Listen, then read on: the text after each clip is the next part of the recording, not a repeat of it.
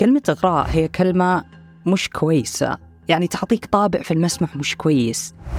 وبالغالب ما نستخدمها في روتيننا اليومي إذا استخدمناها مثل ما قلت تعطيك انطباع مش كويس. لكن خلينا نشوف رأي الطبيب النفسي والقصة اللي صارت له مع أحد مرضاه وخلاه يبدأ يفكر خارج الصندوق عن الإغراء في علم النفس. يلا نبدأ.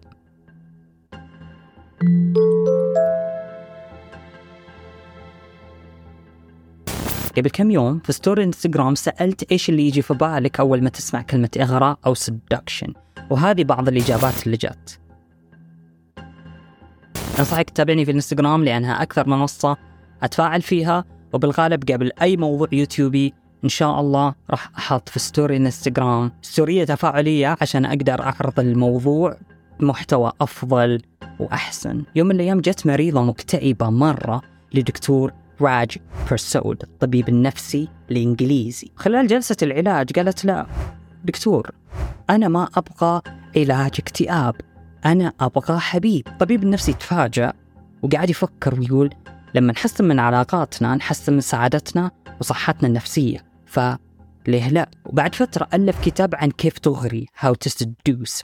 قبل ما تحكم على الكتاب اسم الكتاب Simply Irresistible The Psychology of Seduction. شديد الأغراء علم النفس للأغر. يحكي الكاتب هنا أنه أغلب مرضاه اللي يجونا يخبرونا إيش هم يبغون من الحياة وإيش هم مو قادرين يحصلون. يعني مثلا أنا أبغى سيارة الحلم أنا أبغى زوجة صالحة زوج صالح أنا مو قادر أحصل صديق وفي لكن ما في أحد يخبر إيش هو يحتاج يعطي عشان يحصل اللي يبغاه. لأن جوهر الحياة برأي الكاتب هي عبارة عن صفقة تبادلية ترانزاكشن give and take أخذ وعطاء كيف تغري الحياة والناس اللي فيها عشان يعطونك الشيء اللي انت تبغاه. الناس الأكثر نجاحا وتأثيرا هم عارفين مسبقا وحتى حدسيا حدسهم يقول لهم أن الحياة هي عبارة عن إغراء. كيف تغري الحياة عشان تعطيك الشيء اللي تبغاه. وكيف تغري بنجاح هي لما تعطي العرض المناسب the right offer. إيش يقصد هنا الكاتب بالعرض المناسب هو لما أنت تروح معرض سيارة تبغى سيارة راح تعرض للبائع فلوس عشان تاخذ السيارة. تاخذ الشيء اللي أنت تبغاه. كذلك لما عندك عميل وتبقى رضا العميل عليك إنك تقدم للعميل اهتمام وخدمة كويسة. هنا نلت اللي تبغاه رضا العميل لأنك أعطيت العرض المناسب الاهتمام والخدمة الكويسة. كأننا محن في الحياة بشكل ثابت ودوري نغري أحبابنا أصدقائنا زملائنا في العمل باختلاف نوعية الأغراء علشان يعطونا الشيء اللي حنا نبغاه. يقول الكاتب الناس عندها قلة ثقة في الإغراء. يعني يجي شخص يقول أنا ما أعرف أغري ما عندي ثقة في الأغراء. لكن يقول الكاتب علم النفس للأغراء فيها مفهوم أن anyone can be seductive أي شخص بإمكانه يكون مغري. وبإمكان حتى مهاراتك الإغرائية تكون أفضل بمراحل من أوسم شخص تعرفه في حياتك أو حتى من أرهب وأكثر صديق اجتماعي من دائرة أصدقائك. سنة من السنوات كانت هناك تجربة اجتماعية نفسية social psychology experiment. جابوا طلاب لموعد غرامي. المجموعة الأولى خبروهم أن وافقوا على أي شيء يقوله لكم الطرف الآخر. يجي الموعد الغرامي طبعا الشخص المقابل هو ما يعرف أن هذه تجربة. فيبدأ الموعد الغرامي والطالب يوافق على أي شيء. آه، إيش رأيك في الأكل؟ جميل. نروح المكان الفلاني قدام. إلى آخره. في نهاية الموعد الغرامي الطالب يقول للطرف الآخر أن هذه تجربة وبناء على أدائي قيم جاذبيتي. جاذبية المجموعة الأولى تم تقييم جاذبيتهم أنهم عاليين لكن المجموعة الثانية خبروهم أنهم لا توافقون على أي شيء يقول لكم الطرف الآخر. فيبدأ الموعد الغرامي. إيش رأيك في الأكل؟ سيء. إيش رأيك نروح المكان الفلاني؟ لا مو مشتهي.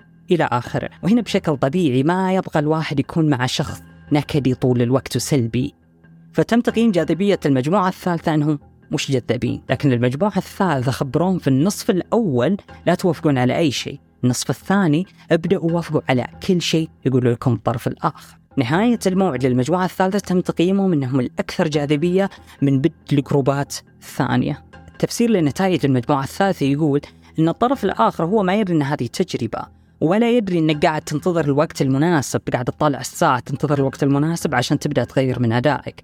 فهو بدأ يعتقد إنه هو بسببه هو بدأ يأثر فيك بسببه هو خلاك تحمى بسببه هو قدر يجيب مثل بالعامية يجيب راسك. وكأنما كنت أنت صعب المنال من البداية وكنت قاسي فقدر هو بسببه يخليك تلين. ولأن أثر فيك هذا التأثير بالنسبة له شيء جذاب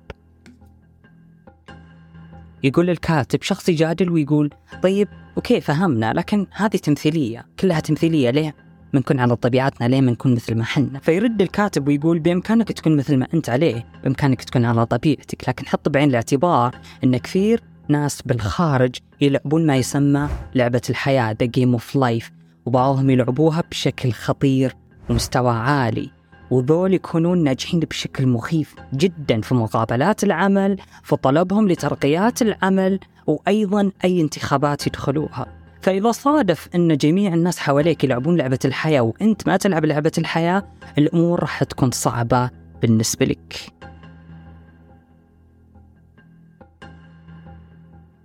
الكاتب يصنف العلاقة أنها تمر بثلاث مراحل. المرحلة الأولى attention الانتباه والاهتمام. لما تروح مكان تجذب انتباه طرف آخر ويجذب انتباهك وهكذا. المرحلة الثانية الانترست الإعجاب الاهتمام لما تروح تكلمة تتعرف عليه تاخذ وتعطي.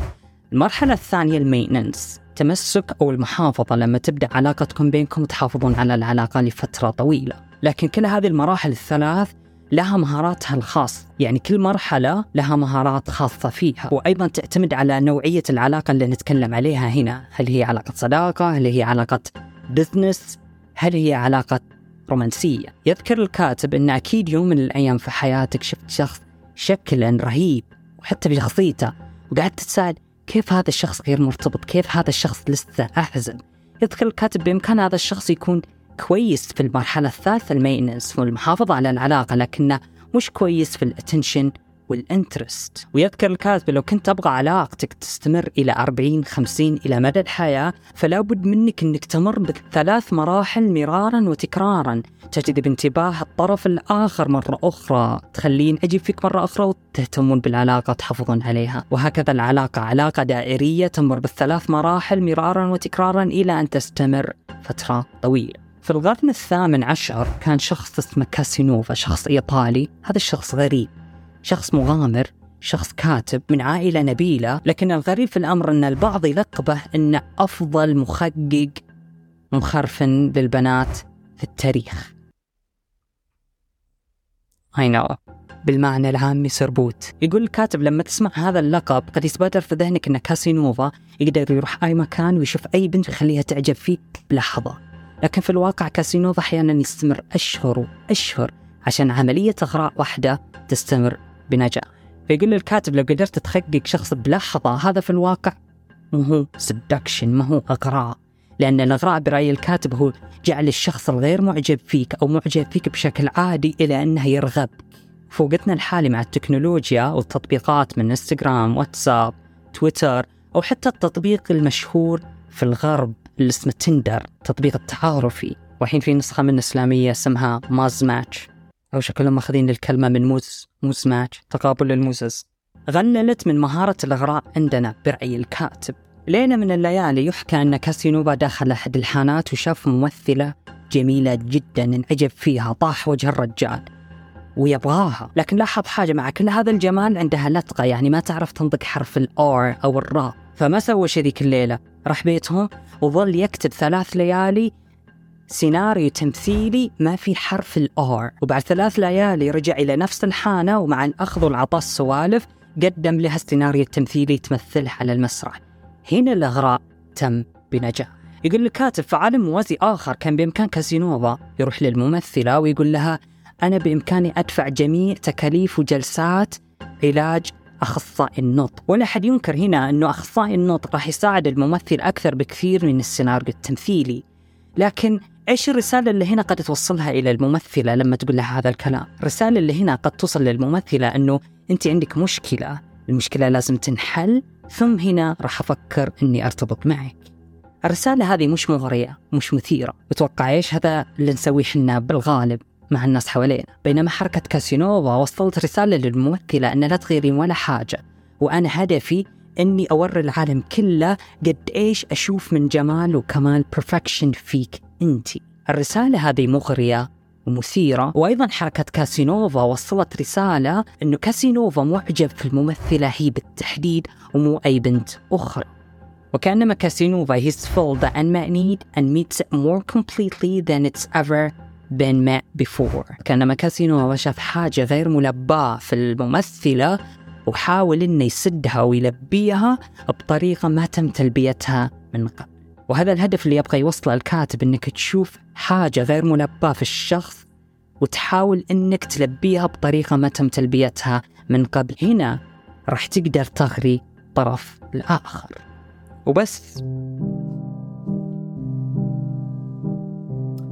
قد يفسر البعض من كلامي إني أدعو إلى السربته والتحريض على المجتمع. والله متعوب عليها السربته المهم لكن مو هذا هدفي. هدفي إني شفت الموضوع قد يفيدك في بعض الرسائل اللي تخليك تبدأ تفكر خارج الصندوق. لما تكون شخص عندك مبدأ التعارف قبل الزواج أو حتى التعارف ما بعد الخطبة أو ما بعد الملكة على حسب إيش أنت اللي تتبعه أو حتى المتزوجين أو حتى بشكل عام في حياتك في أي علاقة صداقية زملاء عمل. هذا الموضوع قد يفيدك ويبدأ يخليك تفكر خارج الصندوق. بس سلام.